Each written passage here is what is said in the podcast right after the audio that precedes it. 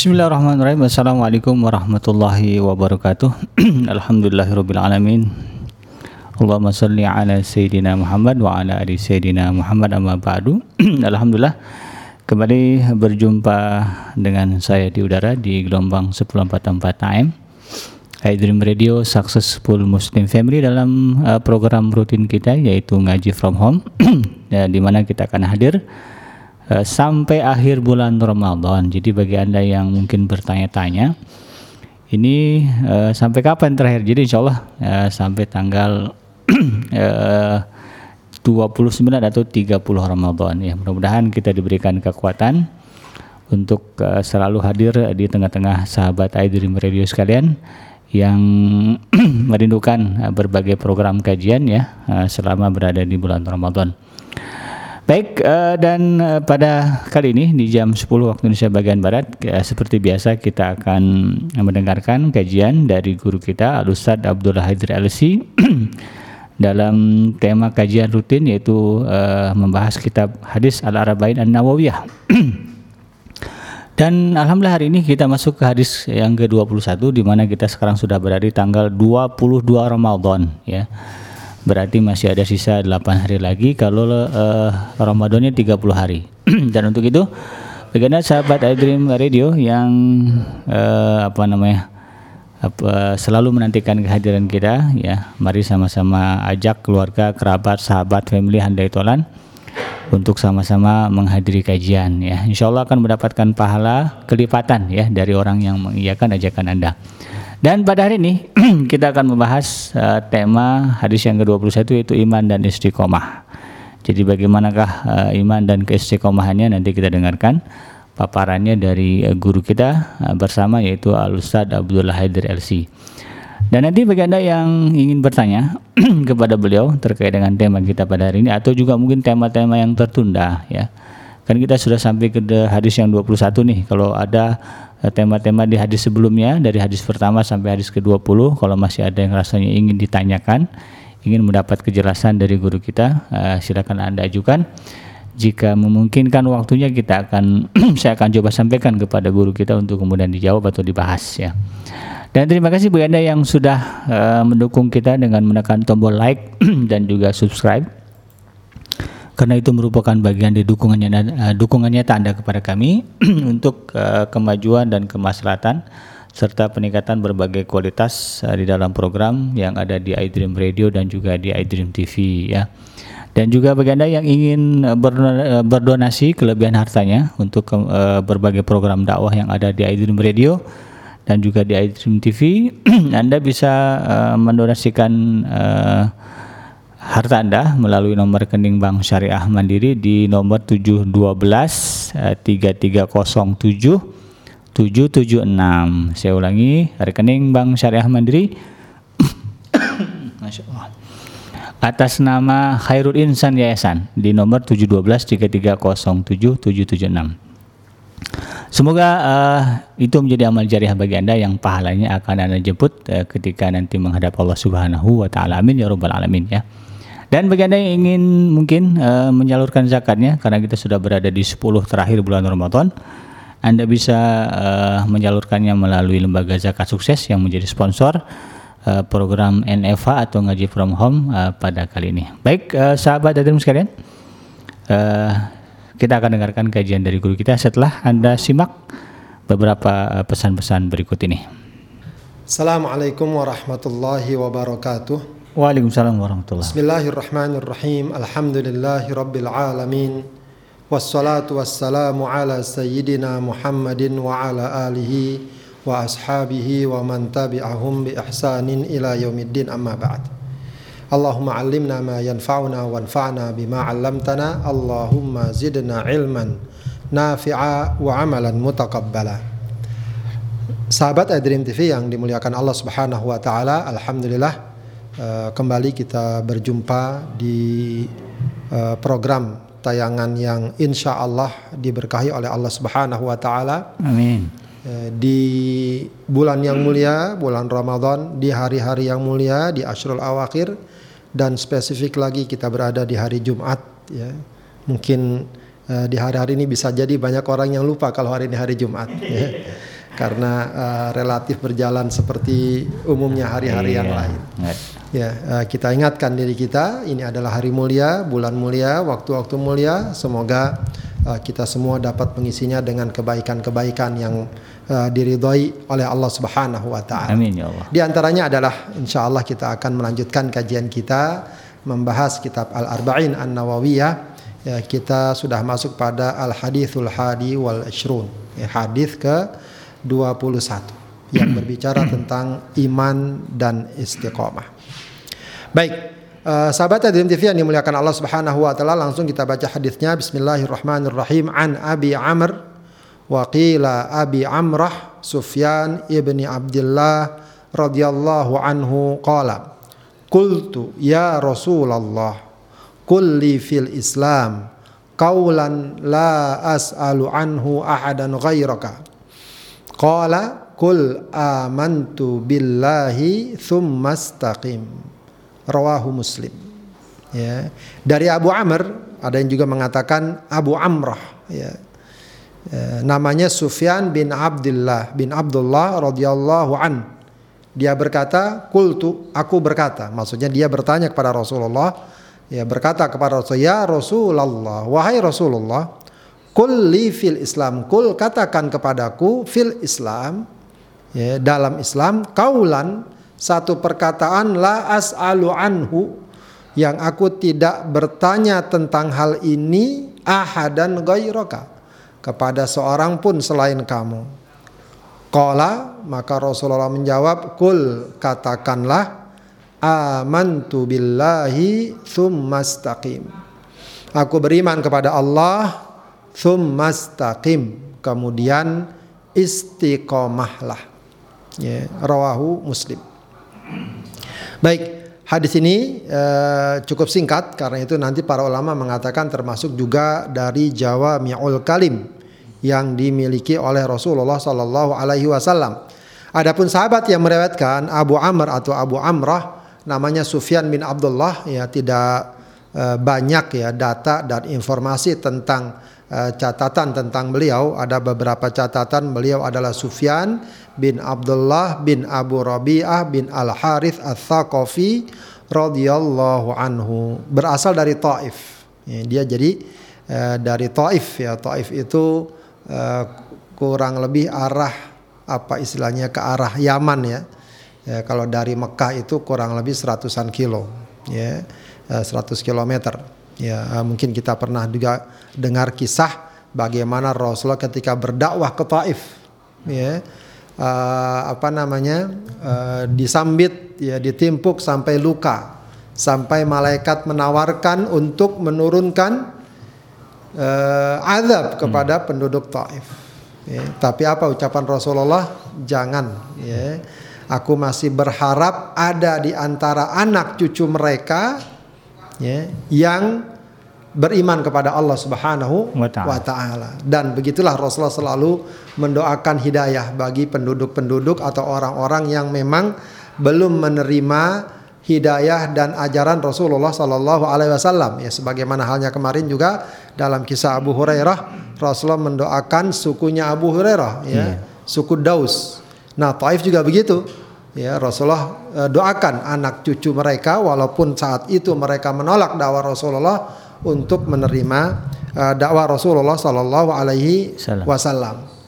Dan uh, ternyata benar, ya, walaupun sangat belakangan, ya mereka baru masuk Islam, ya, Bani Thaqif dari Taif itu, itu tahun 9 Hijriah. Hmm. Ya, jadi sudah sudah ujung sekali. Ya Rasulullah wafat tahun 10 atau 11 Hijri, yeah. Hijriah, begitu ya ya, sudah di penghujung sekali setelah memang mereka tidak bisa menafikan kekuatan Rasulullah. Rasulullah sudah berhasil kembali melakukan Fatu Mekah, menundukkan kota Mekah, maka datanglah Bani Thaqif ke Madinah ya kemudian setelah berdialog sebentar ya mereka pun akhirnya menerima Islam. Nah, diriwayatkan di antara mereka ini adalah uh, Sufyan bin Abdullah atau hmm. Abu Amr atau Abu Am atau Abu Amrah ya Ya, bak, uh, beliau kemudian juga hidup ya pada masa apa namanya uh, Umar bin Khattab ya dan juga uh, diangkat sebagai pegawai khalifah ya untuk wilayah toh,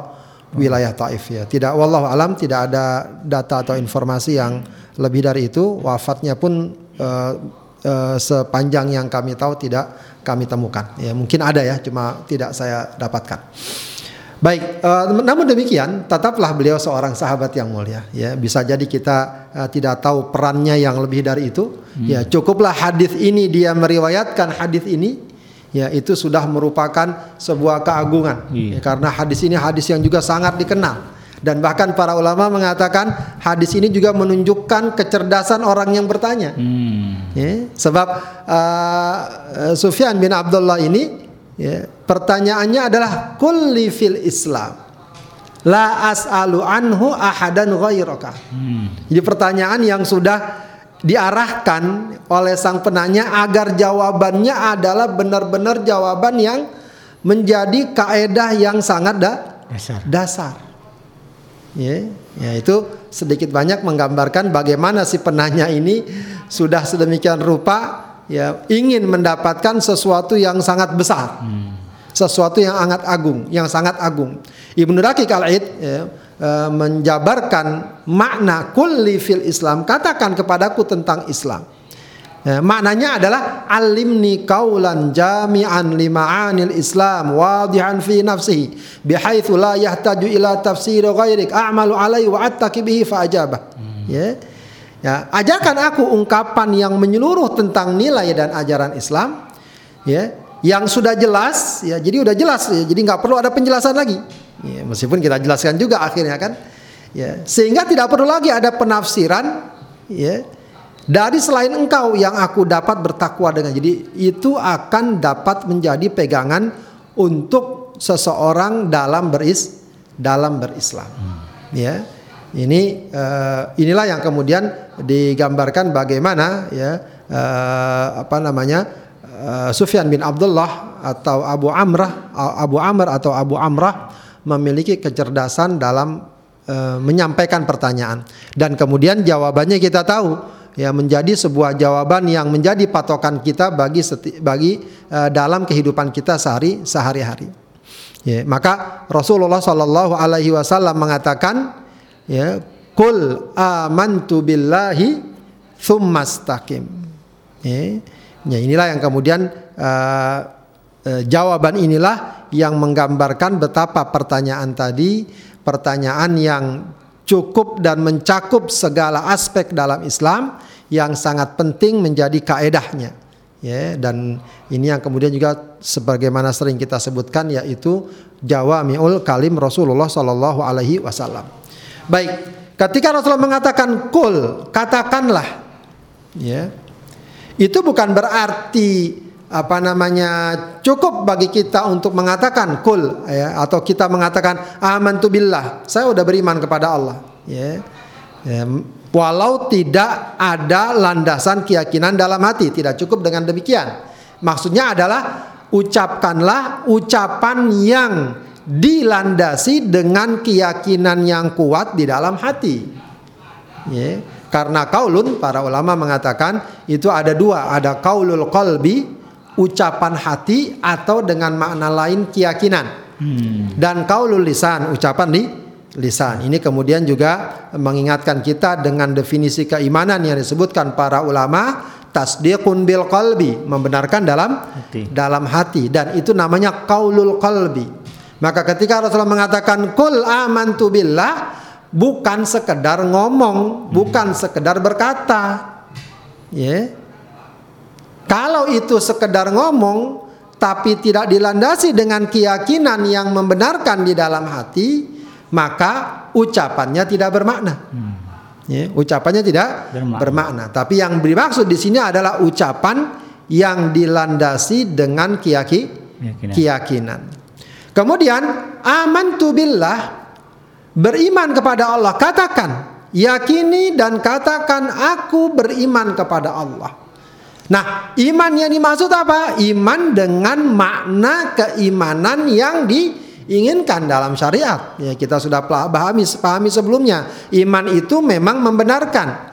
Tapi iman secara keseluruhan adalah keyakinan, pernyataan dan pengamalan tasdikun fil qalbi wa iqrarun bil lisan wa amalun bil arkan. Ya, itu iman. Ya, maka ketika kita katakan aku beriman kepada Allah, maka aku yakini, aku nyatakan dan siap aku amalkan sesuai dengan tuntunan keima, keimanan. Baik. Kemudian beriman kepada Allah bagaimana? Beriman yang mencakup keyakinan mutlak akan ketuhanan dan kekuasaan Allah. Hmm. Ya, jadi iman kepada Allah apa maksudnya? Kita imani tentang apa? Tentang ketuhanan Allah dan kekuasaannya secara mutlak. Ya, yang tidak terbagi, yang tidak berkurang. Bahwa Allah Subhanahu wa taala berkuasa terhadap alam ini, terhadap kita secara mutlak ya secara mutlak. Dia yang menciptakan, dia yang menghidupkan, dia yang mematikan, dia yang memberi rizki, dia yang mengatur, dia yang memberikan manfaat, dia yang memberikan mudarat itu mutlaknya kekuasaan Allah. Kekuasaan Allah. Iman kita kepada Allah harus menyertakan keyakinan itu. Ya, dan tidak boleh kita masukkan, kita sertakan keyakinan yang sama kepada selain Allah. Itu keimanan kepada Allah. Ya, tidak boleh lagi ada orang yang meyakini bahwa musibah ini gara-gara si Anu, gara-gara penunggu ini misalnya. Bahwa rizki saya karena adanya dewa ini, ada jin itu yang membantu saya tidak. Itu mengurangi dan merusak keimanan kita kepada kepada Allah Subhanahu wa taala. Ya, karena apa? Keyakinan kita bahwa manfaat, mudarat, hidup, mati, rizki Selamat atau tidak semua dari Allah. Semua dari Allah Subhanahu wa taala. Itu dari satu sisi. Keimanan kepada Allah juga yang harus kita wujudkan adalah penghambaan. Ya, setelah tadi kita yakini Allah segalanya, maka bagian dari keimanan kepada Allah yang sangat mendasar adalah bagaimana kita taat, tunduk, patuh dengan perintah Allah, ajaran Allah yang itu semua adalah wujud dari penghambaan dan ibadah kita kepada Allah Subhanahu wa taala. Maka ketika Rasulullah mengatakan qul amantu billah itu maknanya adalah sebagaimana yang kita katakan tadi. Katakan, yakini aku beriman kepada Allah, aku membenarkannya, aku menyatakannya, aku mengamalkannya dan aku meyakini akan kekuasaan Allah secara mutlak serta aku siap tunduk patuh dengan ketentuan dan ajaran Allah. Yeah. Nah kemudian uh, Rasulullah mengatakan amantu billah thummastaqim. Kemudian kata Rasulullah istiqomahlah. Ya, istiqomah, istiqomah. Berarti memang dalam hadis ini ada dua uh, kosakata atau orang sekarang bilang ada dua kata kunci yang penting yang harus selalu kita pegang. Iman kepada Allah, kemudian apa? Istiqomah. Istiqomah. Ya, sebab iman kepada Allah ternyata enggak istiqomah. Ya, itu tidak diharapkan. Ya. Atau istiqomah mantap tapi nggak beriman kepada Allah, nggak bisa juga bilang istiqomah. Ya. Apa istiqomah ini dari segi makna? Ya, ada yang mengatakan istiqomah ini i'tidal wastiwa. Tegak lurus. Ya. Tegak lo? Tegak lurus. Lurus. Ya, artinya dia kokoh, tidak goyah dan dia lurus, tidak bengkok, ya tidak uh, ke sana kemani, tidak mencelak-mencelek, begitu ya. Ibarat jalan, maka uh, dia uh, lurus. Kemudian insaf adil, ya, objektif, adil, bersih, ya, itu bagian dari istiqomah. Ya, artinya uh, ya tidak subjektif, ya tidak zalim, ya dia harus adil kemarin kita sudah berbicara tentang masalah keberimbangan ya proporsionalitas dan lain sebagainya termasuk istiqomah juga maknanya adalah asidaqu wal amanah jujur dan amanah itu dari segi makna ya. Adapun menurut istilah banyak para ulama memberikan definisi, definisi tentang istiqomah ya tapi uh, secara umum maknanya uh, beriringan ya uh, selaras kita pilih definisi dari Ibnu Hajar al Asqalani yang dia catat dalam kitabnya Fathul Bari. Al istiqamah adalah kinayatun anit tamassuk bi amrillahi ta'ala fi'lan wa tarkan. Ya. Istiqomah adalah sebuah gambaran tentang komitmen. Ya, jadi komitmen ini maksudnya apa? Dia tidak goyah. Ya, terus begitu. Kapan saja, di mana saja, terus begitu. Itu namanya komitmen. Hmm. Ya, atau bahasa sekarang menjaga komitmen. Hmm. Ya, ya, sering dikatakan menjaga komitmen ini yang susah. Ya, kalau awalnya sih gampang, hmm. mengawali itu gampang.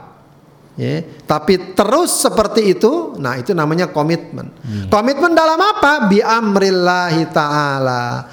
Komitmen dalam ajaran Allah taala. Fi'lan baik dalam hal melakukan apa yang seharusnya kita lakukan, diwajibkan kita lakukan, watarkan atau meninggalkan. Meninggalkan apa yang sudah kita tinggalkan, maka uh, itu apa namanya? Uh, bagian dari istiqomah. Ya, jadi kalau cuma sekali-sekali sih gampang. Oh kita sholat yuk, iya sholat semangat, hmm. ya sholat semangat. Tapi terus setiap hari bertahun-tahun sampai akhir hayat tetap sholat, nah itulah istiqomah. Istiqomah itulah komit, komitmen. Ya, kalau awal-awal gampang, hmm. ya makanya seperti Ramadan ini kan penilaiannya begitu. Ya, kalau hari-hari pertama, ya masjid bukan penuh lagi, nggak muat, gitu ya fenomena-fenomena yang ada. Nah, itu gampang untuk memulainya. Hmm. Apakah komitmen sampai akhir? Nah, ini yang akan menjadi pertaruhan. Masya Allah. Ya, yang menjadi pertaruh pertaruhan. Ya, kalau orang memang betul paham tentang mana istiqomah, akan dia jaga sampai akhir, bahkan di akhirnya pun akan dia tingkatkan. Itulah nilai istiqomah. Begitu ya. Tapi kalau semangat aja di awal, di akhir ditinggalkan, ya Kata ungkapan yang yang cukup terkenal innamal a'malu bil khawatim. Amal itu patokannya ada di akhir. Di akhir. Ya, maka istiqomah ini memang kalau mau kita artikan secara lugas artinya komitmen berpegang pada ajaran Allah, pada ajaran Allah sampai batas akhir yang telah ditentukan.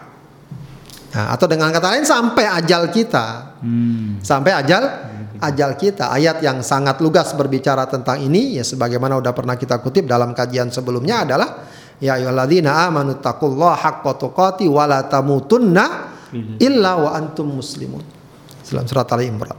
Ya. Ini sebenarnya ayat ini walaupun uh, patokannya jangan mati kecuali sebagai seorang muslim namun ya tataran aplikasinya itu tidak ada yang dapat kita wujudkan kecuali apa? Kecuali terus komitmen bersama Islam dalam setiap aspek kehidupan kita. Hmm.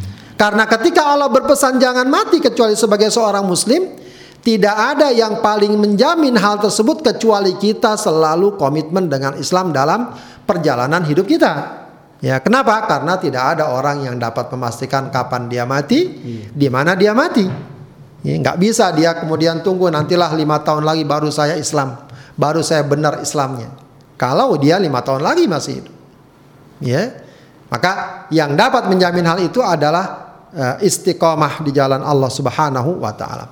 Dalam Al-Qur'an kata-kata istiqomah juga uh, juga banyak disinggung, banyak disampaikan ini juga menunjukkan bahwa apa yang Rasulullah sampaikan sesungguhnya tak lebih merupakan penjelas dan penguat dari apa yang telah Al-Quran jelas jelaskan. jelaskan. Ya, dalam surat Al-Fatihah yang kita baca setiap hari itu sebenarnya juga sebenarnya mengandung makna istiqomah ihdinas siratal mustaqim. mustaqim. Tunjukkan kami ya Allah as-siratal mustaqim, jalan yang lurus.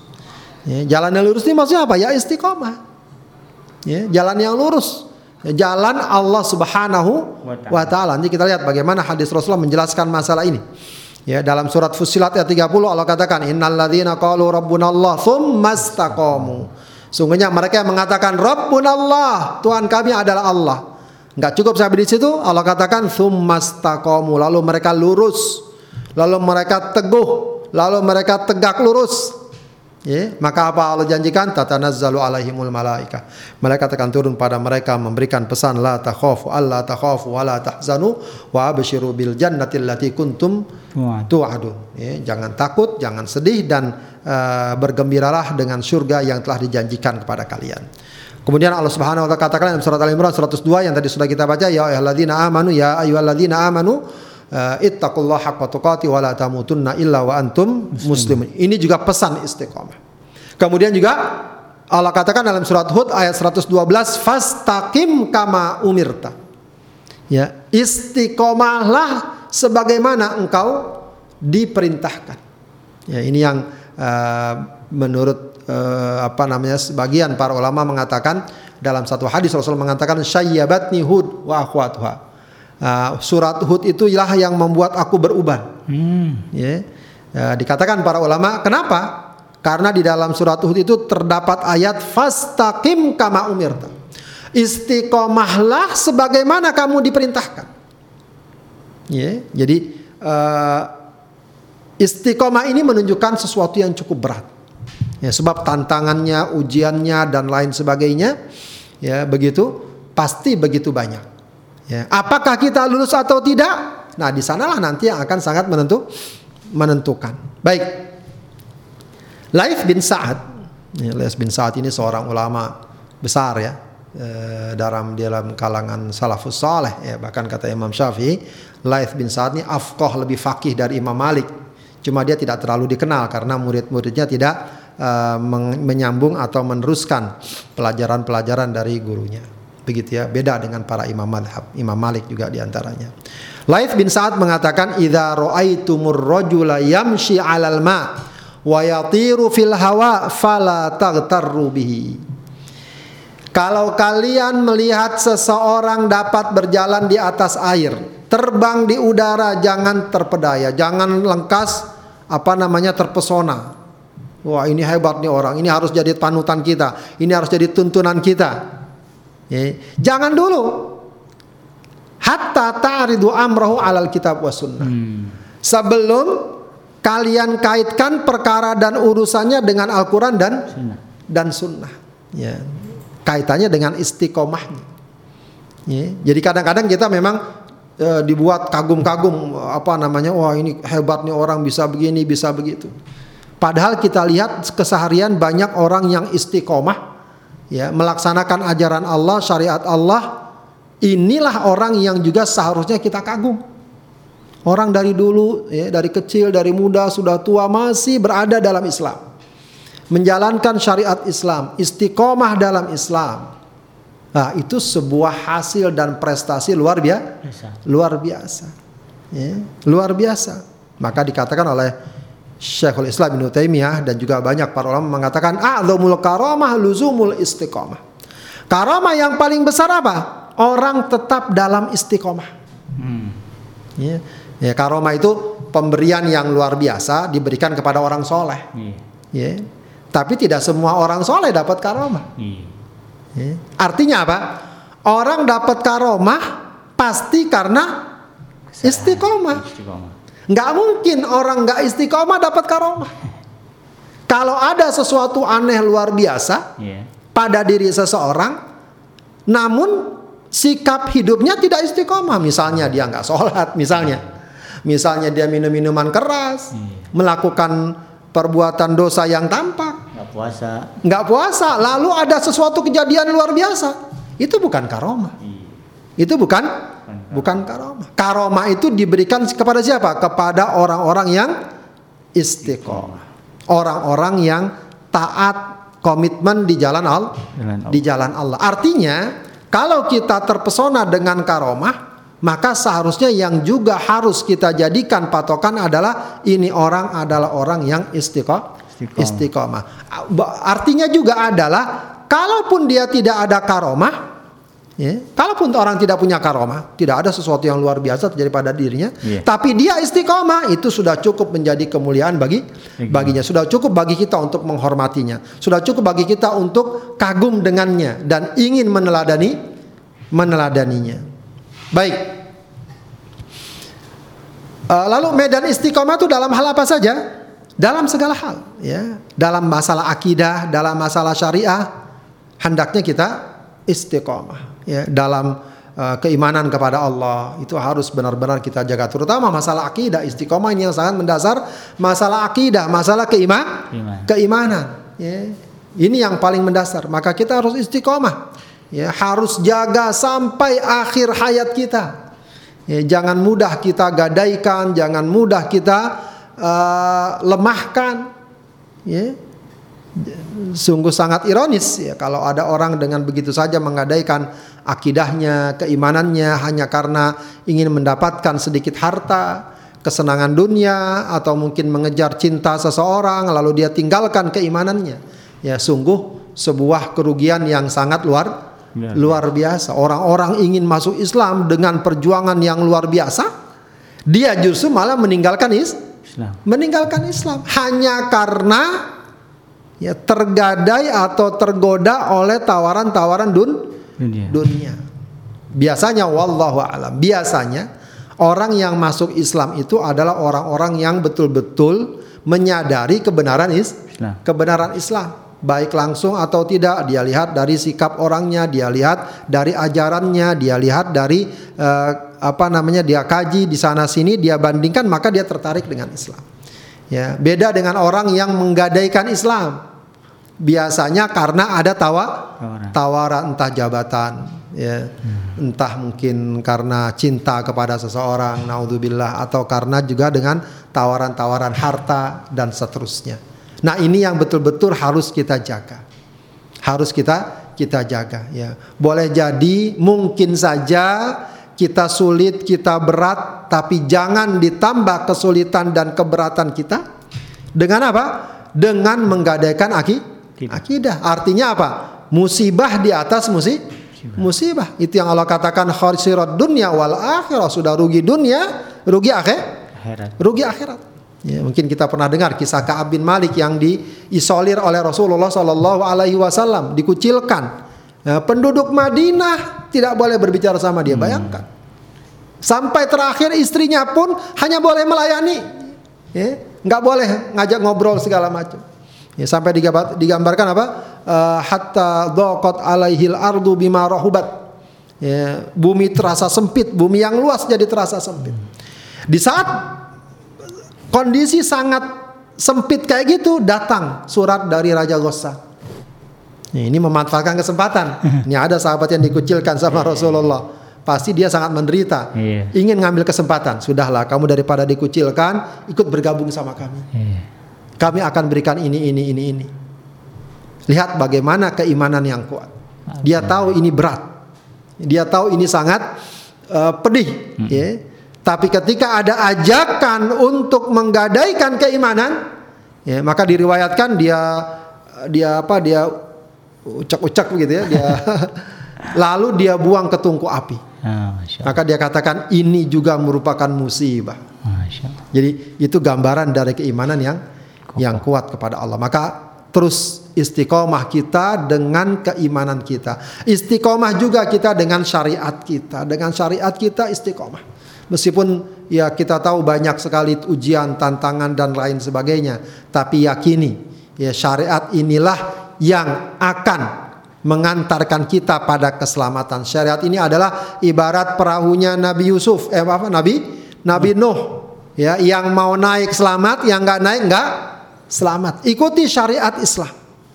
Ikuti syariat syariat Islam ya, dengan segala aturan dan ketentuannya. Ini pun juga harus istiqomah. Ya, banyak sekali syubhat, banyak sekali kadang-kadang godaan, bahkan sampai dalam taraf ancaman dan lain sebagainya. Bagi seorang muslim tidak. Ya, syariat tidak untuk digadaikan. Kita sholat, puasa, zakat tidak bisa ditukar dengan yang, la yang lain. Ya, ajaran-ajaran Islam yang lain juga tidak boleh begitu saja gampang ditukar. Oh ini uh, kalau begini kita nggak untung, kalau begini kita nggak bisa hidup, kalau begini kita nggak sukses dan seterusnya. Tidak. Syariat tidak untuk ditukar, ya, dibarter dengan kepentingan-kepentingan dunia yang yang lain. Perkataan dan perbuatan juga istiqomah.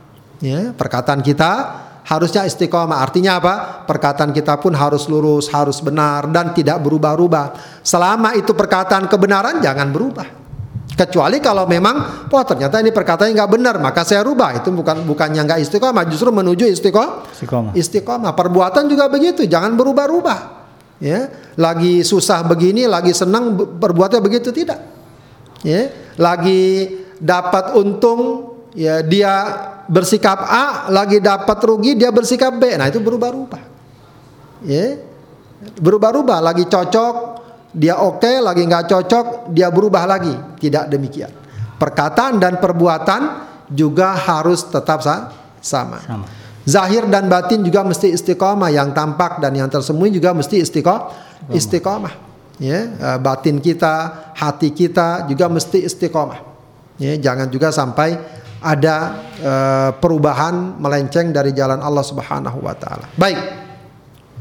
Istiqomah ini uh, sahabat Adrim TV yang dimuliakan Allah Subhanahu wa taala pada dasarnya yang diperintahkan oleh Allah kepada kita memang istiqomah. Ya, artinya ibarat kita menempuh perjalanan ya uh, target kita nilai kita itu bukan pada sampai mana kita. Paham nggak?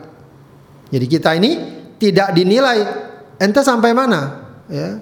Kalau sampai 100 kilo berarti sukses. Hmm. Kalau cuma satu kilo berarti nggak sukses. Okay. Bukan di situ masalah istiqomah. Masalah istiqomah adalah yang penting kita berada dalam track yang telah ditetapkan. Hmm. Itu istiqomah. Walaupun ada yang 100 kilo, ada yang 90 kilo, ada yang 5 kilo, ada yang 1 kilo, ya. Ada yang belum jalan misalnya, tapi dalam trek. Hmm. Dalam dalam trek. Ya, kalau disilakan dalam perjuangan Islam ada yang sempat mencapai uh, derajat tertinggi atau level tertinggi, apakah dia sebagai pemimpin, penguasa, raja dan seterusnya. Ya. Ada yang belum apa-apa sudah terbunuh. Hmm atau dia meninggal. Iya. Ya. Para sahabat ya, para sahabat ada yang belum sempat hijrah sudah mening Enggak. Sudah meninggal. Ada yang di awal-awal Islam sudah meninggal. Ya. Bahkan eh, yang meninggal yang pertama kali syahid siapa? Seorang wanita. Iya. Siapa namanya? Sumay. Sumayyah, ibunya dari uh, Ammar bin ya Ammar bin Yasir. Wanita, dia belum ngapa-ngapain, belum apa-apa. Perjuangan masih panjang, dia sudah meninggal syahid. Ya, dia istiqomah. Istiqomah. Istiqomah itulah yang diharapkan. Ya, itu yang diharap. Ya. Diharapkan ada yang sebelum hijrah, ada yang dalam perang Badar, ada yang dalam perang Uhud, ada yang kemudian sampai mendapatkan Fatu Mak Mekah, ada yang sampai kemudian ikut membebaskan negeri Syam, ya Persia, ya Mesir. Ada yang tidak, ya. Tapi semuanya berada dalam ja, dalam jalur. Ya, jadi itu yang diharapkan dari istiqomah. Yang penting kita berada dalam track. Ya, masalah uh, ketentuan-ketentuan yang kita dapati itu adalah bagian dari takdir dan ketetapan Allah. Ya. Jadi yang penting di situ ya kadang-kadang kita memang sering dihadapkan pada suasana yang membuat kadang kita suka down. Aduh umat Islam ini kok sampai sekarang masih terpuruk begitu ya. Masih terkalahkan, masih dibawa oleh kekuatan-kekuatan zolim dan lain sebagainya. Ya, tentu saja kita berusaha untuk selalu memperbaiki diri, memperbaiki keadaan. Tapi yang lebih penting dari itu bukan itu. Yang lebih penting adalah kita tetap istiqomah atau tidak. Hmm. Itu yang penting. Ya, paham nggak? Yes. Ya, maksudnya adalah walaupun akhirnya misalnya Allah berikan kita kemenangan, kejayaan, kekuasaan, tapi ujungnya nggak istiqomah buat apa? Begitu ya. Buat buat apa? Ya. Sebab yang Allah minta istiqomah. Yang Allah minta itu istiqomah. Istiqomah. Ya tentu saja manusiawi setiap orang ingin mendapatkan kesuksesan. Setiap orang ingin mendapatkan keberhasilan dalam berbagai macam as hmm. aspek. Ya. Tapi bagi seorang muslim sesungguhnya kesuksesan yang hakiki adalah ketika dia istiqomah. Walau mungkin dalam hitungan manusia dia disebut misalnya terkalahkan. Dia disebut tertindas. Dia disebut katakanlah ya mungkin dalam tanda kutip pecundang. Cuma kalau dia istiqomah sesungguhnya dia menang. Oke. Paham nggak? Yes. Ini kaidah ini harus kuat kita pegang agar kita nggak terlalu merasa apa istilahnya down, melemah, ya, melemah atau merasa minder. Hmm. Tidak. Ya. Kata Allah, wala tahinu wala tahzanu wa antumul a'launa in kuntum mu'minin. Begitu. Jangan merasa lemah, jangan sedih. Kalian tuh lebih tinggi kalau apa? Beriman. Kalian beri Beriman. beriman. Ketimbang kalian sukses tapi kalian gadaikan keimanan, maka bukan alauna berarti yang paling ren, Paling rendah. yang paling rendah. Nah, kaidah ini harus hidup dalam diri kita agar apa? Terus terjaga semangat. Ya, jangan kemudian terpengaruh oh karena kita lama udahlah kita ikut aja apa yang ada. Ya. Kita nggak perlu repot-repot menjaga istiqomah. Toh kita lemah. Tidak. Ya. Kita justru di sinilah istiqomah kita akan diu akan diuji. Ya, seorang sahabat Haram bin Milhan ya yang diutus oleh Rasulullah untuk eh, mengajarkan Al-Qur'an ke kampung-kampung itu kan dibunuh ya. Beberapa sahabat yang uh, uh, qurra hafid Al-Qur'an. Dibunuh. Haram bin Milhan ketika dibunuh diriwayatkan oleh temannya sahabat yang lain yang sempat melihatnya dia mengatakan apa fuztu wa rabbil ka'bah fuztu ya, aku sungguh telah menang demi Tuhannya Ka'bah Ya. kenapa dia menang padahal dia terbunuh karena ketika itu dia istiqomah Istiqomah. istiqomah di jalan Allah. Ya. Eh, Dalam satu hadis riwayat, ya, dalam satu riwayat disebutkan Rasulullah SAW itu membuat satu garis lurus. Maka dia katakan hadza sabilullahi mustaqima. Inilah jalan Allah yang lurus. Kemudian tsumma khatta khututan an yamini dzalikal khat wa an shimali. Lalu dia buat eh, kiri kanannya garis. Entah mungkin dia buat di padang pasir kali, ya begitu. Atau ada sesuatu yang dia coret. Kiri kanannya dia buat garis. Maka dia katakan wa hadhis subul. Ini jalan-jalan ya jalan-jalan kecilnya. Ya. Kemudian laisa minha sabilun illa alai syaitonun yad'u ilaihi. Tidak ada satupun jalan di situ kecuali ada setan yang manggil-manggil. Ya, ke sini ke sini ke sini. Jangan ikut jalan itu. Ke sini. Manggil-manggil mereka. Ada yang manggil ke jalan kemaksiatan manggil jalan kesesatan manggil jalan dengan pemahaman dan aliran sesat dan lain sebagainya. Maka Rasulullah mengatakan membaca ayat wa anna hadza sirati mustaqiman fattabi'uhu inilah jalanku yang lurus kata Allah ikutilah ya.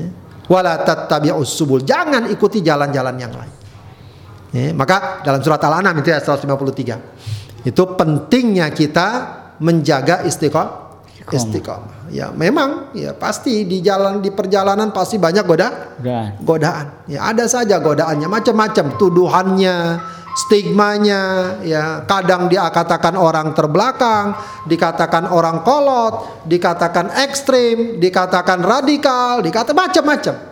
Ya, macam macam-macam, berbagai macam tuduhan. Nah, bagi kita tentu eh, yang penting kita pahami dengan baik, kita jalak kita kita laksanakan dengan komitmen, itulah istiqomah. Baik, kemudian istiqomah juga dapat dimanai berimbang, tidak teledor dan tidak ekstrim. Ya, ini juga penting juga dipahami sebagaimana istiqomah. Sebab kadang ada orang memahami istiqomah, oh dia betul ya kuat dengan Islamnya betul. Ya, itu tidak salah. Tapi ada juga aspek lain yang sebenarnya merupakan gambaran tidak istiqomah, meskipun tampaknya adalah ketaatan, kesungguhan atau semangat, yaitu ketika melampaui batas-batas yang dibolehkan. Ya, dalam Islam disebut gulu, ya sering disebut dengan bahasa ekstrim. Jadi melampaui ba batas. melampaui batas. Ya.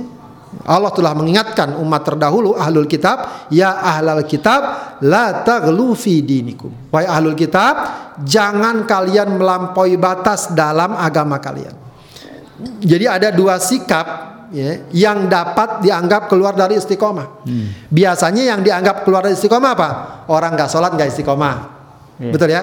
Orang nggak puasa nggak istiqomah, nggak istiqomah. Orang nggak menutup aurat nggak istiqomah.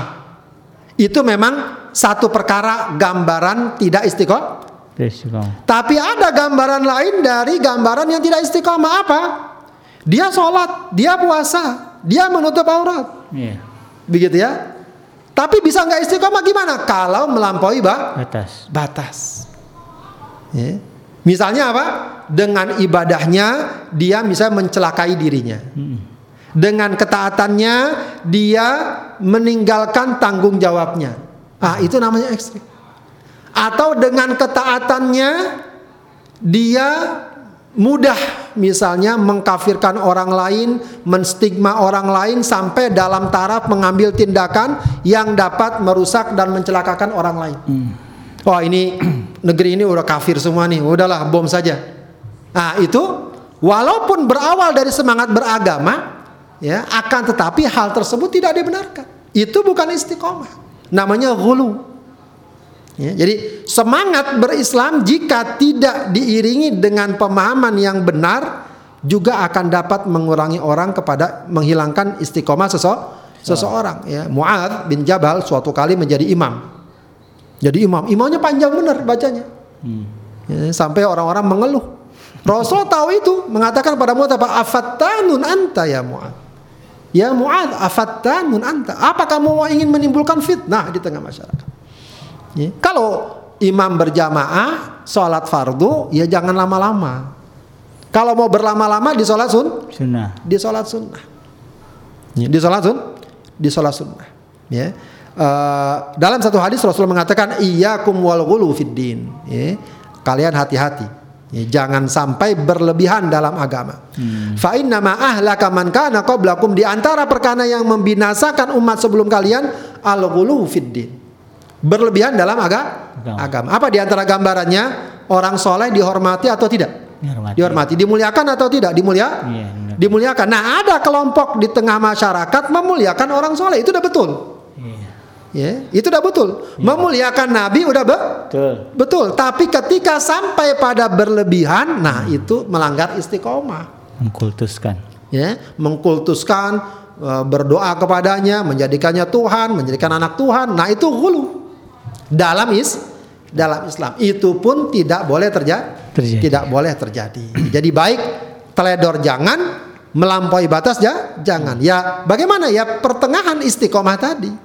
Makanya surat Al-Fatihah yang kita baca itu ya itu sebenarnya ajaran istiqomah yang apa istilahnya yang uh, pertengahan tadi ya. Kita minta sama Allah ihdina siratal mustaqim. mustaqim. Ya. Lalu bagaimana siratal mustaqim itu? Digambarkan oleh Allah siratal ladzina an'amta alaihim jalan orang yang engkau berikan nih nikmat. Dalam ayat yang lain orang yang Allah berikan nikmat adalah para nabi, syuhada, solihin. Begitu ya. Gambaran mereka apa? Allah jelaskan lagi dalam ayat berikutnya, ghairil maghdubi alaihim waladdallin. Ghairil maghdub bukan orang yang dimurkai, bukan juga orang yang sesat. Ya. Eh, para ulama umumnya mengartikan al-maghdub adalah Yahudi, sesat adalah Nasrani. Kenapa demikian? Di antara gambarannya orang Yahudi ini salah satu gambarannya mereka terhadap para nabinya itu selalu menentang, melecehkan, merendahkan. Itu sikap orang Yahudi secara umum ya.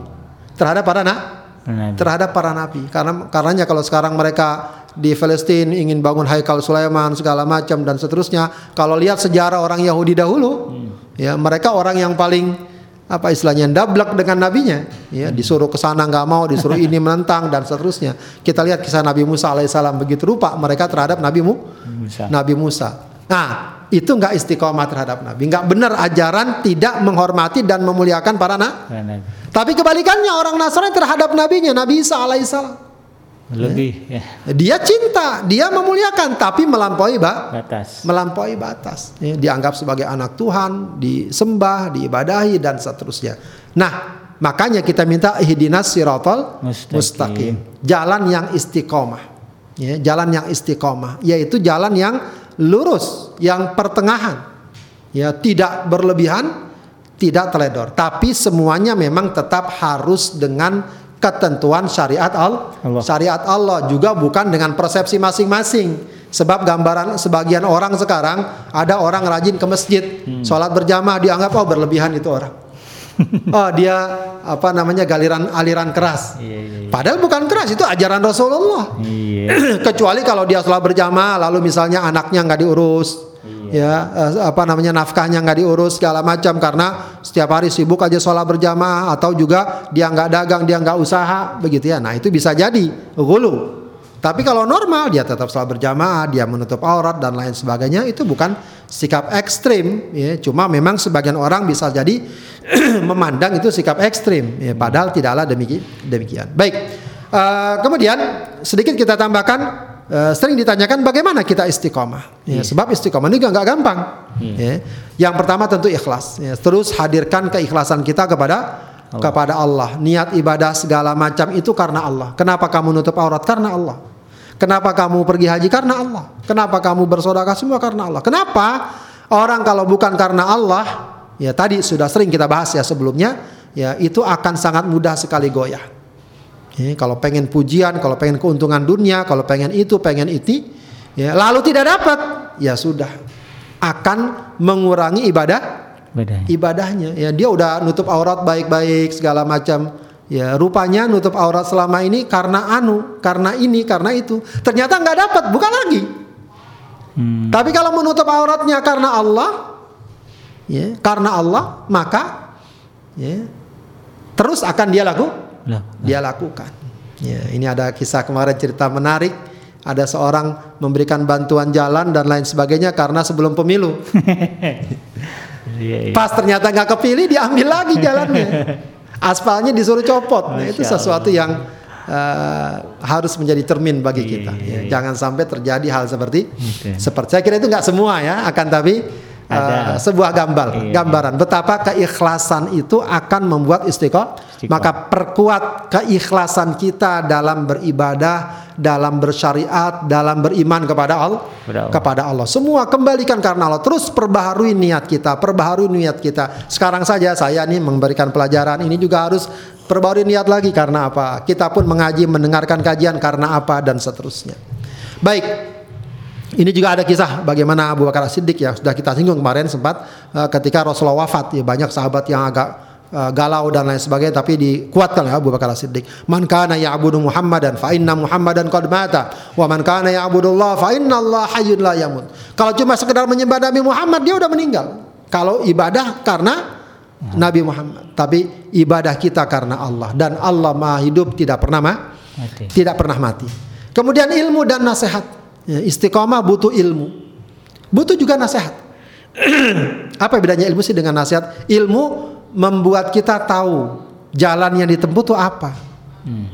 Ya, memahami tujuan yang dituju. Ya, jalan jalannya mana? Lewat mana ini? Nah, itu butuh ilmu. Ya. Jangan sampai kita udah istiqomah ternyata jalannya beda, gitu ya. Dan kita paham tujuannya kita ngapain ini seperti ini. Ya. Kita kenapa sholat, kenapa puasa? Agar kita dapat ridho Allah.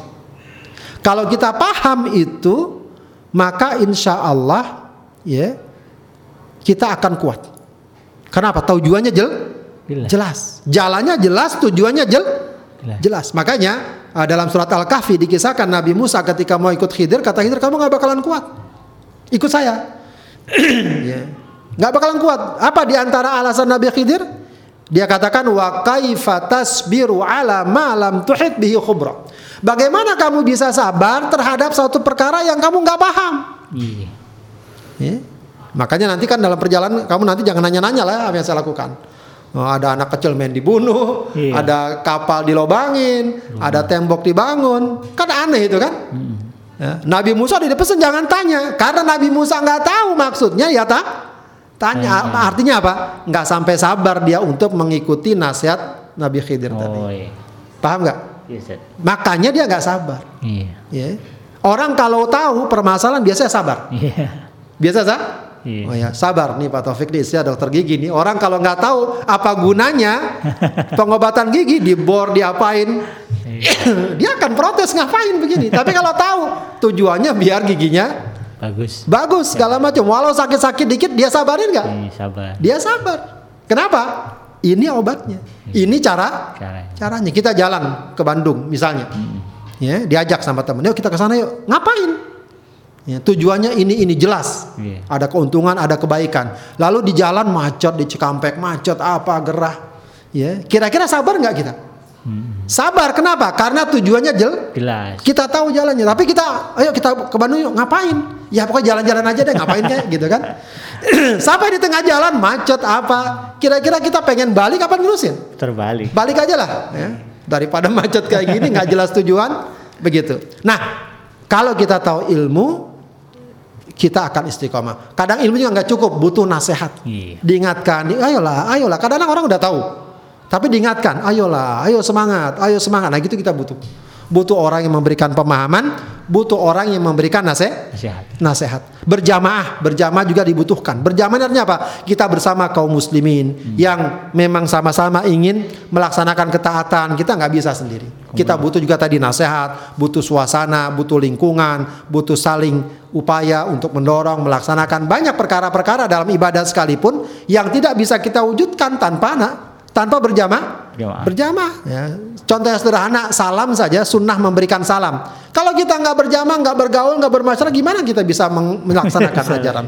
Mau salam sama siapa? Begitu ya. Senyum aja mau senyum sama siapa itu contoh sederhana. Belum perkara yang lah semakin kita bersama jamaah bersama kaum muslimin terus menjaga keutuhan eh, persatuan kebersamaan insya Allah semakin kuat. Makanya jangan juga kita gampang membuat hubungan ini retak Eh, gampang mencela, gampang memojokkan, perbedaan-perbedaan selagi bukan perbedaan prinsip hendaknya saling dipahami. Kalaupun didiskusikan, didiskusikan dengan eh, baik ya, dengan wajar. Jangan gampang menuduh ah, ente eh, ahli bid'ah, oh ente bukan ahlu sunnah, oh ente nggak benar dan seterusnya. Tidak, ya.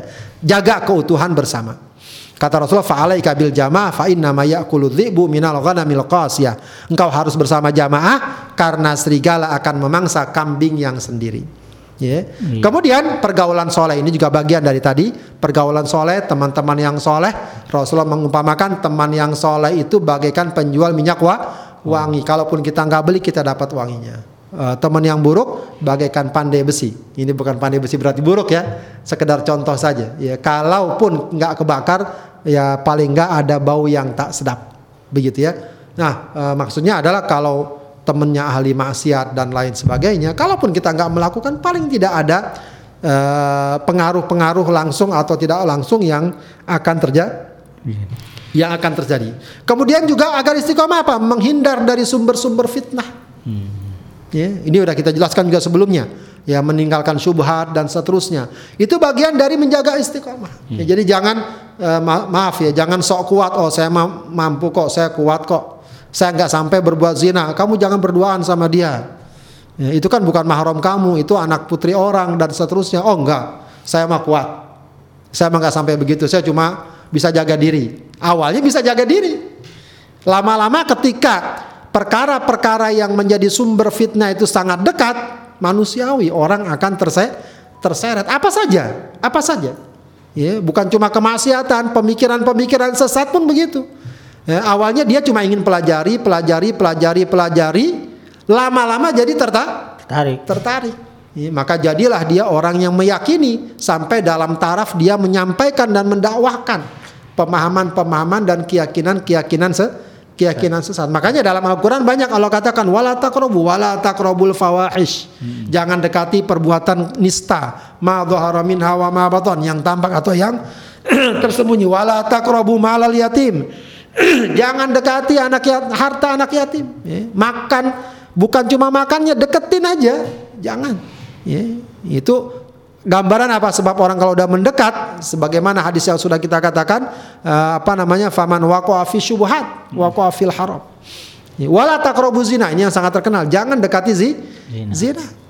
Ya, jangan dekati zina apa? Jangan lakukan perkara-perkara yang dapat mengantarkan kita kepada perzinahan. Walaupun mungkin tidak dianggap zina. Ya, tapi perkara tersebut dapat mengantarkan ya, dari mulai pandangan, pembicaraan dan lain sebagai sebagainya. Ya, kemudian juga Rasulullah ingatkan dalam hadis yang sudah kita bahas, waman waqa'a fi syubuhati waqa'a fil haram. Kemudian ada juga istiqomah ini memahami tabiat. Tabiat diri kita apa? Lemah, malas, khilaf, bosen. Itu kan tabiat manusia. Iya. Kita bosan nggak? Bosan juga manusia. Nah, karena memahami tabiat, harusnya kita iringi karena kita lemah biar kuat bagaimana. Begitu loh. Karena kita malas biar rajin gimana.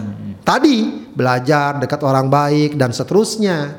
Ya, bosan memang siapa manusia bosan. Lama-lama ngaji bosan juga. Nah, kita butuh misalnya variasi dan lain sebagainya.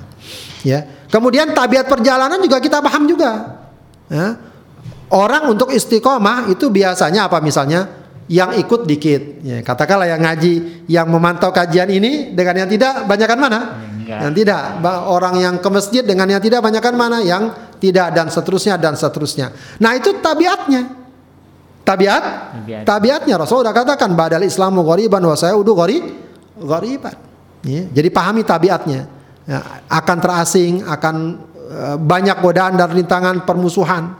Nah, apa maksudnya? Jangan perfeksionis. Perfeksionis dalam arti apa? Eh, kalau cacat dikit, salah dikit sudah dia batalkan semuanya. Manusiawi kita mungkin saja berdosa tergelincir, ya, Eh, tergelincir. Nah kalau tergelincir ya balik lagi, taubat, balik lagi, begitu saja sederhana.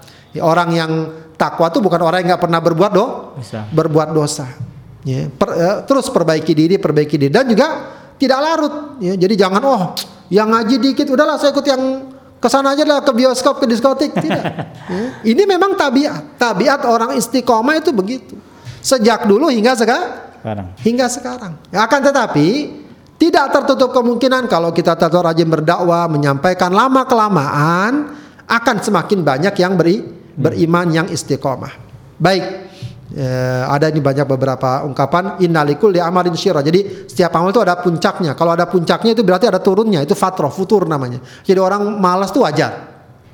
Timbul rasa malas wah Ajar. wajar. Yang nggak wajar apa? Keenakan malas, gitu ya. Jadi malas itu harus diatasi pelan-pelan untuk kembali kepada level kebaik kebaikan. Islam itu asing dan akan kembali asing. Rasulullah juga mengamal- menga- me- meng- meramalkan dalam arti menyampaikan kabar bahwa akan datang satu masa di mana orang menggenggam agamanya seperti orang menggenggam Bara api. bara api. Yaitu fakta-fakta atau fenomena yang juga harus kita pahami. Kemudian berdoa.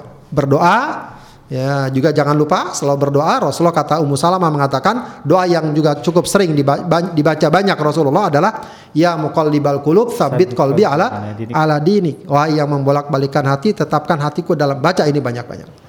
Atau juga baca ayat yang juga sangat dikenal surat Al Imran ayat 8, Rabbana la Tuzigh qulubana ba'da id hadaitana wa hab lana min ladunka rahmah innaka antal wahhab itu juga doa yang sangat bagus.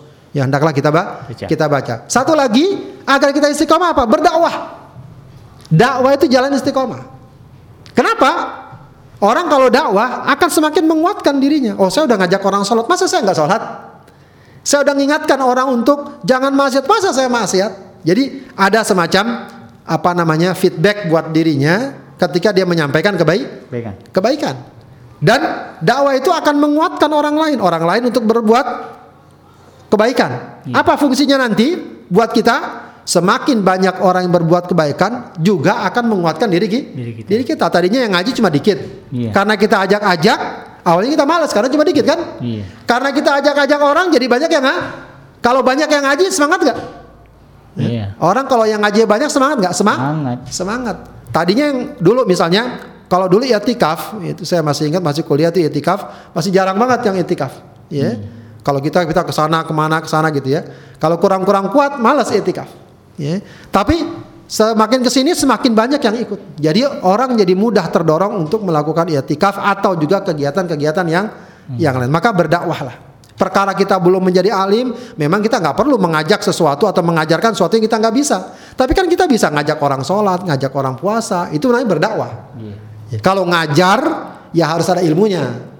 Ya, ngajar apalagi beri fatwa, itu beda. Iya. Kalau ngajak, kan standar, ngajak ayo sholat, ayo ber- mengeluarkan zakat, ayo berpuasa, itu namanya berdak Dakwah. berdakwah. Wallahu a'lam bishawab itulah eh, sahabat Adrim TV yang dimuliakan Allah Subhanahu wa taala penjelasan dari hadis ini mudah-mudahan bermanfaat.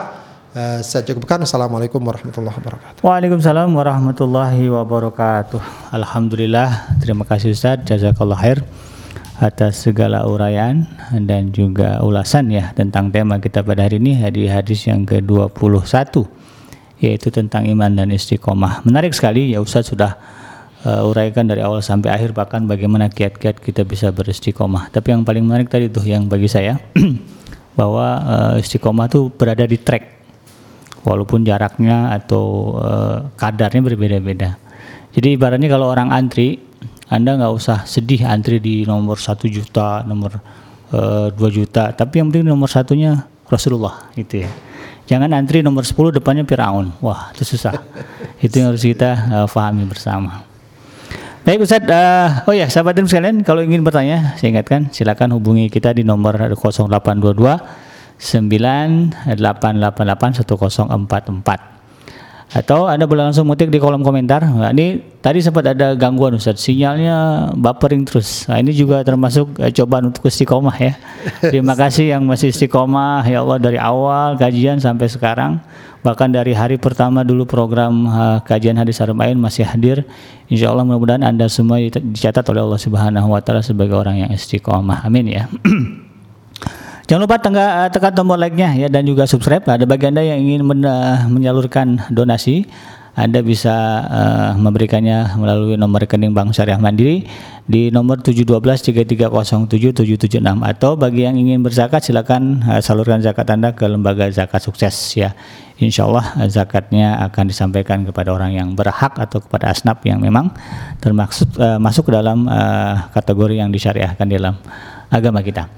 Baik Ustadz, uh, sudah ada penanya. Uh, pertanyaannya beragam, ada yang sesuai dengan tema, ada yang pertanyaan yang tertunda, yang sebetulnya sudah ada di eh, kajian-kajian uh, sebelumnya. Tetapi uh, ini adalah uh, apa namanya secara langsung, jadi tidak masalah. Insya Allah kita akan tanyakan kepada Ustadz, sekaligus mengingatkan kita kalau lupa ya tentang masalah-masalah uh, yang ditanyakan. Pertanyaan pertama Ustadz datangnya dari hamba Allah di Sydney Ustadz. Assalamualaikum Ustadz, izin bertanya. Uh, orang yang ibadahnya istiqomah tapi akhlak terhadap keluarga masih kurang. Apa yang harus dilakukan untuk mengingatkan? Apalagi kalau suami ke istri kan, istri ke suami itu susah juga kan Ustadz. Kemudian uh, orang tersebut, tapi orang tersebut merasa akhlaknya baik-baik saja, gitu ya. Tetapi anggota keluarga tidak merasa seperti itu. Wah ini dilema nih Ustaz. Nah, gimana solusinya Ustaz? Mohon pencerahan. Ya, ya memang uh, tinggal masalahnya apa akhlak yang dimaksud kan? Uh, ada sebagian masalah uh, karakter, yeah. temperamental dan lain sebagainya yang biasanya memang sifatnya bawaan. Yeah. Nah, katakanlah dia kalau ngomong suaranya keras misalnya atau apa begitu, uh, itu biasa temperamen atau tapi kalau akhlak memang yang jelas-jelas tampak uh, misalnya tercela itu memang harus diperbaiki. Okay. Misalnya dia suka berdusta, yeah. Dia suka khianat, uh, ingkar janji, yeah. begitu ya. Hal-hal yang uh, tercela atau misalnya mencela, menghina, begitu ya. Uh, itu sesuatu yang memang harus diperbaiki.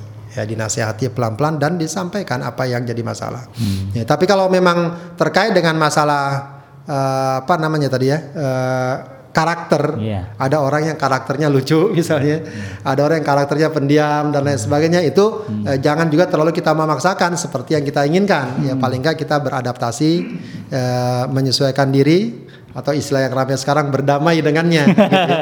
eh, selagi eh, itu bukan sesuatu yang menda mendasar. Ya. Uh, akan tapi tetap uh, apresiasi terhadap ibadah dan ketaatannya jangan sampai hilang juga. Iya. Jangan sampai dengan sederhana atau dengan bahasa yang keras kita katakan percuma sholat kalau masih begini. uh, jangan begitu nanti akan menimbulkan uh, sesuatu yang kurang uh, kurang layak. Ya, iya. tinggal kita minta, alhamdulillah kamu masya Allah sholatnya udah bagus. Ya. Tinggal ini yang diperbaiki ya, agar lebih lebih bagus dan lebih baik hmm, lebih baik. baik ya yang kalau memang hal itu dengan mudah dapat disampaikan uh, disampaikan atau juga ya minta bantuan orang lain untuk dapat memberikan arahan-arahan sebagaimana mestinya. Pada dasarnya manusia itu punya fitrah baik ya. Hmm. Kalau ada pas yang dapat memberikan dengan cara terbaik dan masuk ke hatinya itu biasanya juga akan memberikan sentuhan-sentuhan yang dalam. Ya, hmm. Baik.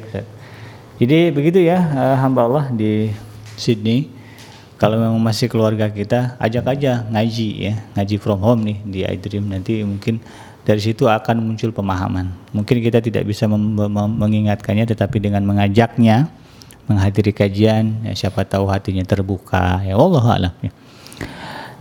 Baik Ustaz, kita lanjutkan ke pertanyaan selanjutnya. Ini ada pertanyaan dari akun atas nama Ina Ina Liu, Inai Liu uh, kayaknya uh, domisilinya di luar Indonesia nih Ustaz. Karena pertanyaannya begini. Ini terkait dengan fidyah Ustaz. Fidyah atau kodok bagi ibu hamil. Uh, Assalamualaikum Ustaz ketika hamil karena sakit dan khawatir terhadap anak lalu kemudian tidak puasa. Uh, apakah uh, harus mengkodok seluruh puasanya sebelum Ramadan uh, masuk lagi Ramadan baru? Uh, kemudian uh, apakah juga harus bayar fidyah juga? Nah, itu. Kemudian kalau memang harus bayar fidyah juga, apakah mesti bayar fidyahnya di tempat dia berada, di negara dia berada, atau mesti dikirim ke Indonesia? Ya. Ke kampung yang mungkin eh, prioritas. Kalau di kampung saya banyak orang susah, di sini mah pada senang-senang. Gimana Ustaz? Ya, silakan. Baik, eh, wanita hamil dan wanita menyusui secara umum kalau memang dia tidak mampu berpuasa dia boleh eh, tidak berpuasa, ya. Atau eh, apa? Kalau dia tidak mampu ya, kalau dia tidak mampu atau dia khawatir terhadap dia mampu tapi dia khawatir terhadap anak Anaknya. anaknya boleh dia tidak eh, berpuasa. Adapun kalau dia mampu Ya, dan dia tidak khawatir dia tetap wajib berpuasa. gaji berpuasa. Baik, kalau tadi kasus yang pertama dia nggak berpuasa karena nggak mampu atau merasa lemah atau juga khawatir terhadap anaknya, dia boleh tidak berpuasa. Iya. Eh, pendapat mayoritas para ulama dia tetap harus mengkodok, Kodok ya. mengkodok. Kalau bisa memang kalau mungkin kalau dia sudah pulih maka dia mengkodoknya sebelum ketemu Ramadan berikutnya. Oke. Begitu ya. Kalau memang ternyata sulit kok ya eh, karena harus menyusui segala Iya, macam, iya. tunggulah nanti habis Ramadan berikutnya. Insya Allah tidak mengapa Hmm. tidak mengapa. Baik, eh, memang ada yang membedakan antara kalau dia tidak puasa karena dirinya dan anaknya atau karena anaknya saja. Hmm. Jadi kalau dia puasa karena dia lemah atau dia merasa lemah atau dia merasa lemah dan memang juga takut sama anaknya. Iya. Maka itu cukup kodok saja itu sepakat para ulama. Begitu ya yang mengatakan demikian. Tapi kalau dia nggak puasanya hanya karena khawatir sama anaknya, Hmm. dianya sih kuat puasa. Iya. Paham ya? Tapi kalau dia nggak puasa nanti asinya mungkin kurang Hmm. atau kesehatan jadinya takut terganggu. Iya. Maka dia nggak puasa. Nah itu para ulama mengatakan selain kodo Hmm. dia juga hendaknya bayar Fidyah. fidyah, bayar kafaroh sebenarnya. ya. Hmm. Bayar eh, bayar kafaroh, begitu ya bayar kafaroh. Maka eh, itu sebagian ulama saja memang. Oh, Ya, Tidak semua para ulama mengatakan demikian. Dalam fikih syafi'i dikenal hal itu. Ya, tapi tidak semua tidak semua ulama mengatakan demikian. Hmm. Ya artinya minimal kalau mau dia kodok saja cukup. Ya, kalau mau Qadha dia tambah dengan kafaroh tadi itu lebih baik. Oh, Ya, iya, gitu. iya. Itu lebih baik. Diberikan kepada siapa? Memberikan makanan, Hmm. ya eh, setengah sok, ya, sekitar satu kilo setengah, Hmm. begitu ya. Eh, kepada siapa? Kepada apa namanya eh, orang miskin. Kalau tidak ada, ya bisa dikirim keluar. Nasi kotak boleh? Eh, yang sudah makan, yang sudah siap saji, Ah, siap. boleh, ya siap makan. Satu hari, satu Kali. satu kali makan, Oke. satu satu menu Satu menu. satu menu. Boleh. Ya, jadi boleh dikirim juga keluar boleh. Iya. Ya, kalau memang di sekitar tidak dia dapatkan orang, Orang miskin. miskin. Wallah alam. Jadi demikian ya eh, pertanyaan dari akun atas nama Inaliu ini juga ak- aktif Ustaz mengikuti kajian kita. Jadi eh, pendapat jumhur atau mayoritas ulama adalah di kodo. Nah, tapi kalau anda kh- khawatir ada kurang-kurang kemudian menyempurnakannya dengan membayar kafarah atau bayar- fidyah itu juga malah bagus ya pahala anda berkali lipat. Mudah-mudahan dengan itu anaknya jadi baik, itu kan jadi soleh atau soleha. Terima kasih Ustaz atas eh, jawabannya. Kita lanjut Ustaz ke pertanyaan berikutnya. Ini dari akun atas nama Ibu Ratna Kartika. Ustadz mau tanya tentang halal tidaknya sembelihan ahli kitab. Nah, karena kan beliau domisili di luar negeri Ustaz. Misalnya eh, di KFC, Burger King atau McD dan sebagainya. Silakan Ustaz. Ya, memang dalam Al-Qur'an disebutkan wa ta'amul ladzina utul kitaba illul lakum wa ta'amukum hillul lahum. Ya, ta'am, ta'am di sini maksudnya sembelihan. Oke. Sembilan ahlu kitab itu halal buat kalian, eh, sembelihan kalian halal buat mereka. Baik, eh, pendapat jumhur ulama, mayoritas para ulama memang menyatakan bahwa ahlul kitab sembelihannya itu halal, Iya. sembilannya halal. Meskipun nanti itu perdebatannya apakah sembilahan yang sesuai dengan syariat atau tidak. Hmm. Eh, umumnya para ulama mengatakan tetap sembelihannya harus sesuai dengan syar'i. Iya, jadi misalnya eh, ahlu kitab nyembelih ngawur begitu ya, nggak dipotong lehernya apa begitu, Setrum. disetrum ya tetap dia nggak nggak halal begitu ya, Iya. tetap tidak Tidak halal. tidak. Tapi kalau dia sembelih sebagaimana yang diajarkan dalam Islam, menyembelih misalnya saluran makanan dan saluran pernapasan begitu ya, eh, dan tentu saja hewannya juga halal, ya maka dia menjadi halal Hmm. menjadi halal. Ya, tapi kalau tidak dilakukan secara syar'i maka dia tetap tidak eh, tidak halal. Itu pendapat yang lebih hati-hati. Eh, artinya Cara nyembelihnya Ustaz ya. cara menyembelih. Kalau dia nggak baca bismillah nggak apa-apa. Eh, baca bismillah memang pendapat mayoritas para ulama harus membaca bismillah. Tadi kan bukan orang Ya, Islam. itu bisa mengambil pendapat yang tidak mewajibkan. Ah, iya, iya. Dalam fikih Syafi'i misalnya tidak mewajibkan baca bismillah. Oke. Begitu ya. Berarti asal disembelih. Ada juga Ustaz kalau di barat itu bukan di barat lah orang kita juga ada. Motongnya itu dipancung sampai palanya putus. Itu halal nggak Ustaz? Bukan Ya, disembelih, di, Itu dibilang makruh sebenarnya. Oh, Artinya kalau dipancung kan semua keputus kan, Iya. mati. Ah. Ya, itu eh, sebenarnya para ulama tidak eh, mengatakan itu sembelian yang makruh. Tapi sah ya sah. Kalau memang misalnya eh, katakanlah orangnya muslim segala macam atau tadi ahlu kitab itu boleh. Hmm. Ya, tapi eh, itu tidak sesuai dengan eh, adab dalam menyembel Nyembelih. menyembelih. Menyembelih adabnya tidak putus. Cukup putus saluran pernapasan dan saluran Eh, makanan. makanan. Begitu ya. Oh. Tidak sampai putus kepalanya. Eh, jadi begitu Bu ya. Eh, harus dicek lagi tuh. Disembelihnya gimana? Disetrum apa? Itu kan kadang yang saya lihat di beberapa negara seperti di Cina di mana begitu. ma- eh, matinya itu direndam air panas. Eh, itu kan nggak sesuai dengan syar'i. Jadi pastikan dulu bagaimana mereka me- me- menyembelihnya ya. Kemudian eh, masih ada pertanyaan juga Ustadz dari beliau ini. Ustadz kalau saya kalau saya atau anak saya atau teman saya sakit, kemudian saya selalu membacakan Al-Fatihah. Dan biasanya atau biasanya kebanyakannya alhamdulillah penyakitnya itu berkurang atau hilang. Nah, tapi beliau takut ini salah. Jadi mohon pencerahannya. Ini kategori uh, ruki rukiah ya. Ya, Silakan Ustadz.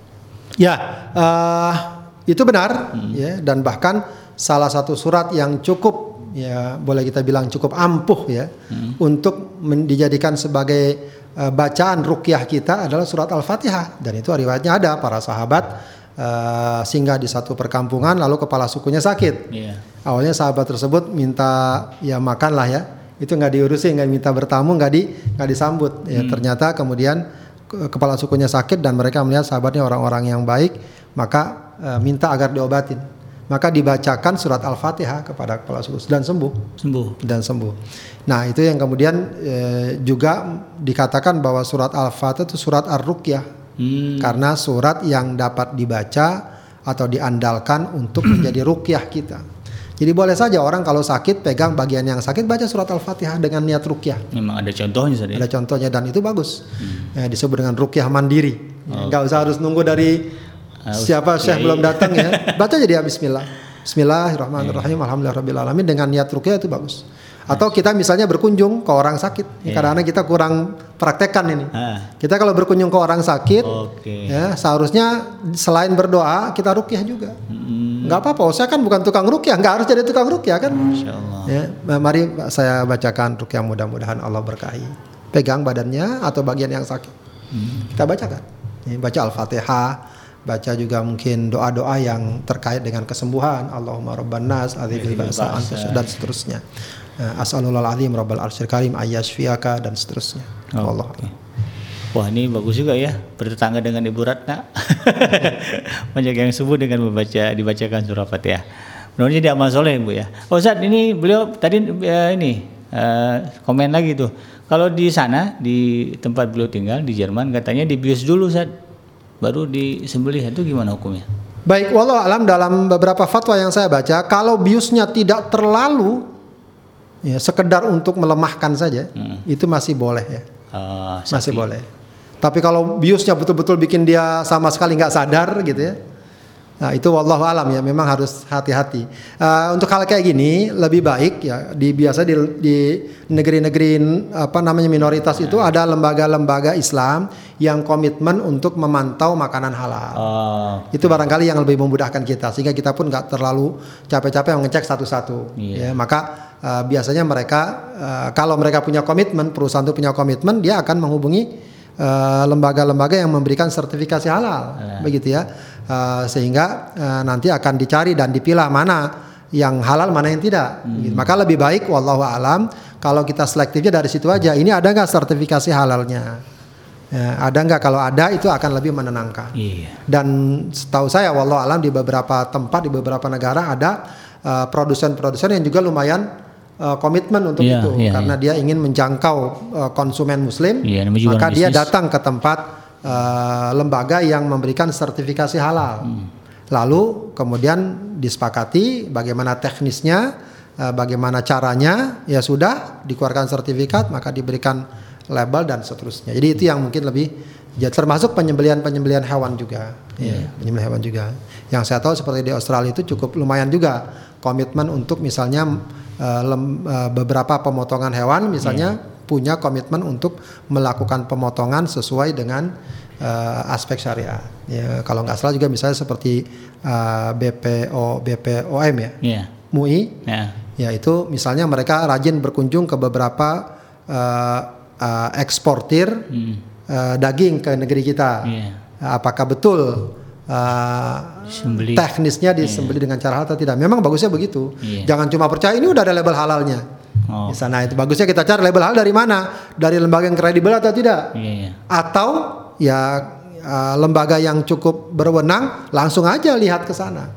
Nah, ini betul nggak? Apakah cuma sekedar klaim aja? Yeah. Kayak itu memang patut juga seharusnya melibatkan lembaga-lembaga formal ya agar kepentingan kaum muslimin itu terpenuh terpenuhi. Jadi bagi anda yang berada di negara-negara non Muslim itu satu hal yang luar biasa. Itu jihad anda ya, masya Allah. Eh, kita di sini gampang mau nyari sapi ayam gitu kan tapi anda yang di sana. Tapi kemudian anda menerapkan rasa khawatir kemudian keinginan untuk mengetahui halal tidaknya itu satu hal yang uh, merupakan kepatuhan kepada syariat. Insya Allah dihargai Allah Subhanahu Wa Taala. Dan kita berdoa mudah-mudahan ada kemudahan lah. Tapi yang jelas itu tadi seperti yang Ustaz katakan uh, bagusnya kita berjamaah gabung dengan komunitas. Kalau ada Islamic Center di situ pergi ke sana tanya gitu. Kira-kira restoran apa yang ada halalnya Uh, mudah-mudahan bisa di ini Bu ya. Uh, dan kalau yang tempat makan resmi itu aja tadi kayak Ustaz bilang ada logo halal dari lembaga yang kredibel ya. Jangan lo halalnya tulisan sendiri halal. Wah ini dicurigai tidak halal. Karena banyak begitu di Indonesia juga banyak yang begitu. Baik Ustaz, uh, kita lanjutkan ke pertanyaan berikutnya nih Ustaz. ini dari akun atas nama Afik Ustaz. Ustadz, bagaimana dengan para dai yang e, bernahi munkar dengan pendekatan-pendekatan personal pada objek dakwah? Sedangkan berdasar penjelasan hadis Nabi tentang berkawan dengan pandai besi, itu kan e, bisa terciprat e, apa namanya itu ya besi, api-apinya begitu. Nah, mati lagi nih. lalu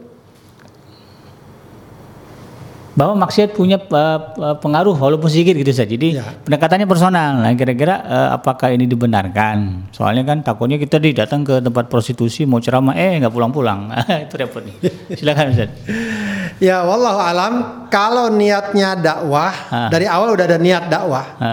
Saya dekati dia walaupun dia ini begini begini, insya Allah masih kita harapkan kebaikannya. Ha. Jadi uh, niatnya dakwah betul-betul ingin mengajak ya tentu saja juga harus dia persiapkan dirinya kan dengan baik-baik menghindari berbagai macam lain sebagainya uh. dan seterusnya itu memang bagus ya yeah. bagus kalau niatnya berdakwah tapi kalau niatnya berteman begitu saja itu yang dikhawatirkan cuma memang ya ini juga tetap harus ada kehati-hatian ya hmm. tetap saja mestinya mestinya tidak harus sampai uh, ke tempat-tempat uh, maksiatnya. Iya. Ya sudah tahu itu tempat maksiat apakah tempat apa ya diskotik lah iya. atau misalnya tempat pelacuran lalu dia datang ke sana.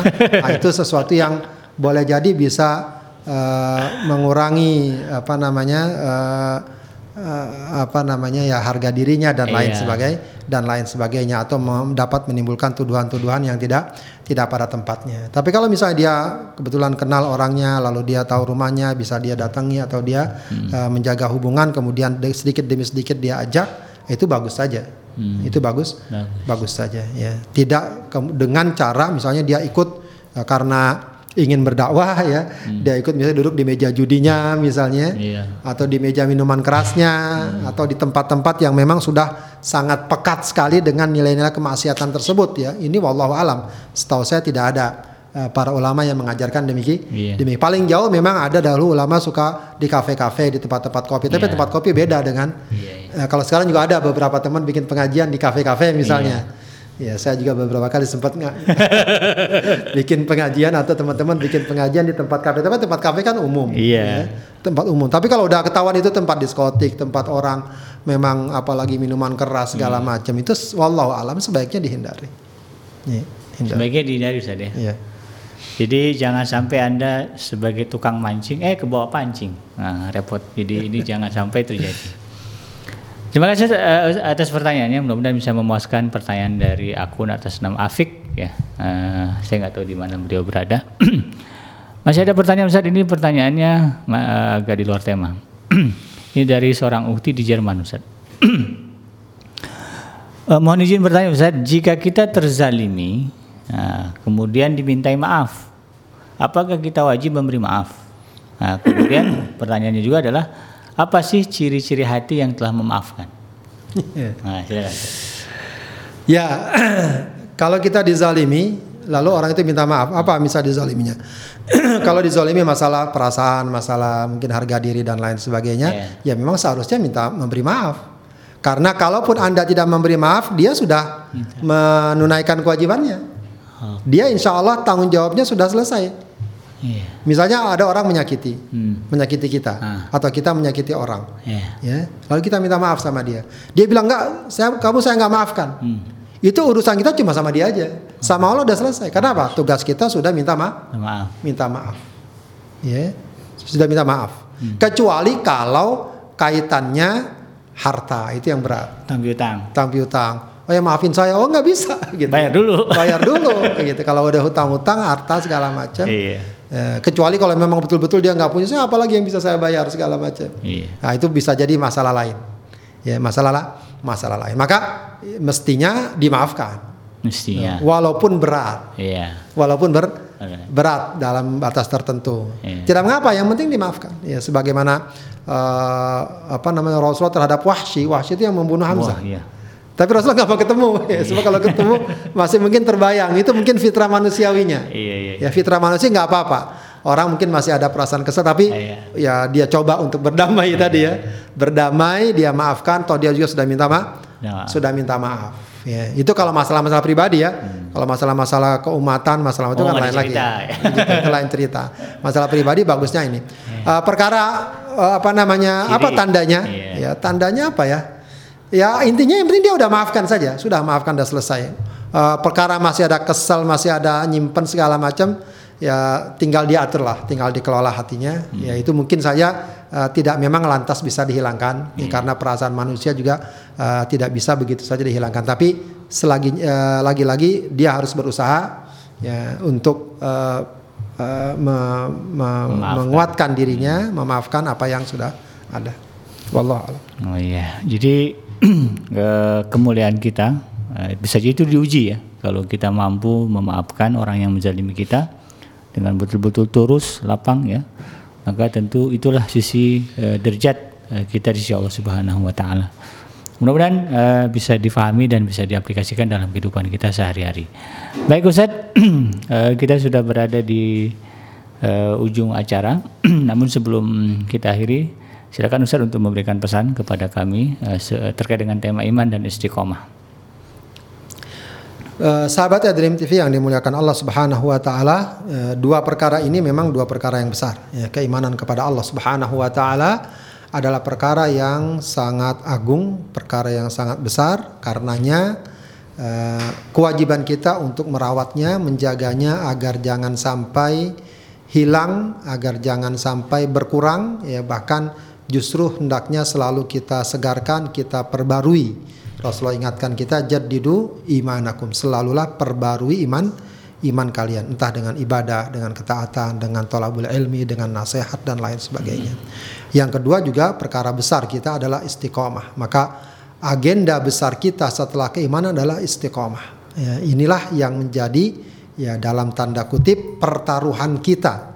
Pertaruhan kehidupan kita di hadapan Allah Subhanahu wa taala apakah istiqomah atau atau tidak. Ya, maka kita upayakan jalan-jalan yang dapat mengantarkan kita istiqomah, apakah belajar, apakah ikhlas, apakah berteman dengan orang baik, apakah berjamaah, uh, atau juga berdoa, itu selalu kita usaha Usahakan. usahakan dan kita maksimalkan. Wallahu a'lam bishawab. Assalamualaikum warahmatullahi wabarakatuh. Waalaikumsalam warahmatullahi wabarakatuh. Baik sahabat Adam sekalian yang dirahmati Allah Subhanahu wa taala di mana pun Anda berada tuntas sudah kebersamaan kita dalam program Ngaji From Home edisi kajian rutin Kitab Hadis Al-Arba'in An-Nawawiyah yang dipandu oleh guru kita yang mulia Al Ustaz Abdullah Haidar LC. Mudah-mudahan Allah Subhanahu wa taala merahmatinya dan memanjangkan usianya. Amin ya rabbal alamin. Dan terima kasih bagi Anda yang sudah memberikan support kepada kami dengan menekan tombol like dan juga subscribe. Mudah-mudahan itu juga jadi pahala bagi Anda. Dan terima kasih bagi yang sudah mendonasikan hartanya baik ke lembaga lembaga zakat sukses ataupun juga ke rekening atas nama Khairuddin Saniasan di rekening Bank Syariah Mandiri. Mudah-mudahan itu semua menjadi amal ibadah yang diterima oleh Allah Subhanahu wa taala. Saya BKJ beserta kru yang bertugas memohon dibukakan pintu maaf yang sebesar-besarnya dan jangan lupa nanti di jam 16 masih ada uh, program ngaji from home. Dan kita akan hadir ke tengah-tengah Anda sampai akhir Ramadan. Jadi jangan khawatir, tetap uh, istiqomah berada bersama dengan kami untuk mengikuti berbagai program kajian yang ada di iDream TV. Mudah-mudahan itu semua menjadi uh, ciri keimanan kita kepada Allah Subhanahu wa taala. Saya tutup dengan membaca hamdalah alhamdulillahirabbil alamin dan doa penutup majelis subhanaka allahumma rabbana wa bihamdika asyhadu an la ilaha illa anta astaghfiruka wa atubu ilaik billahi taufik wal hidayah. Wassalamualaikum warahmatullahi wabarakatuh.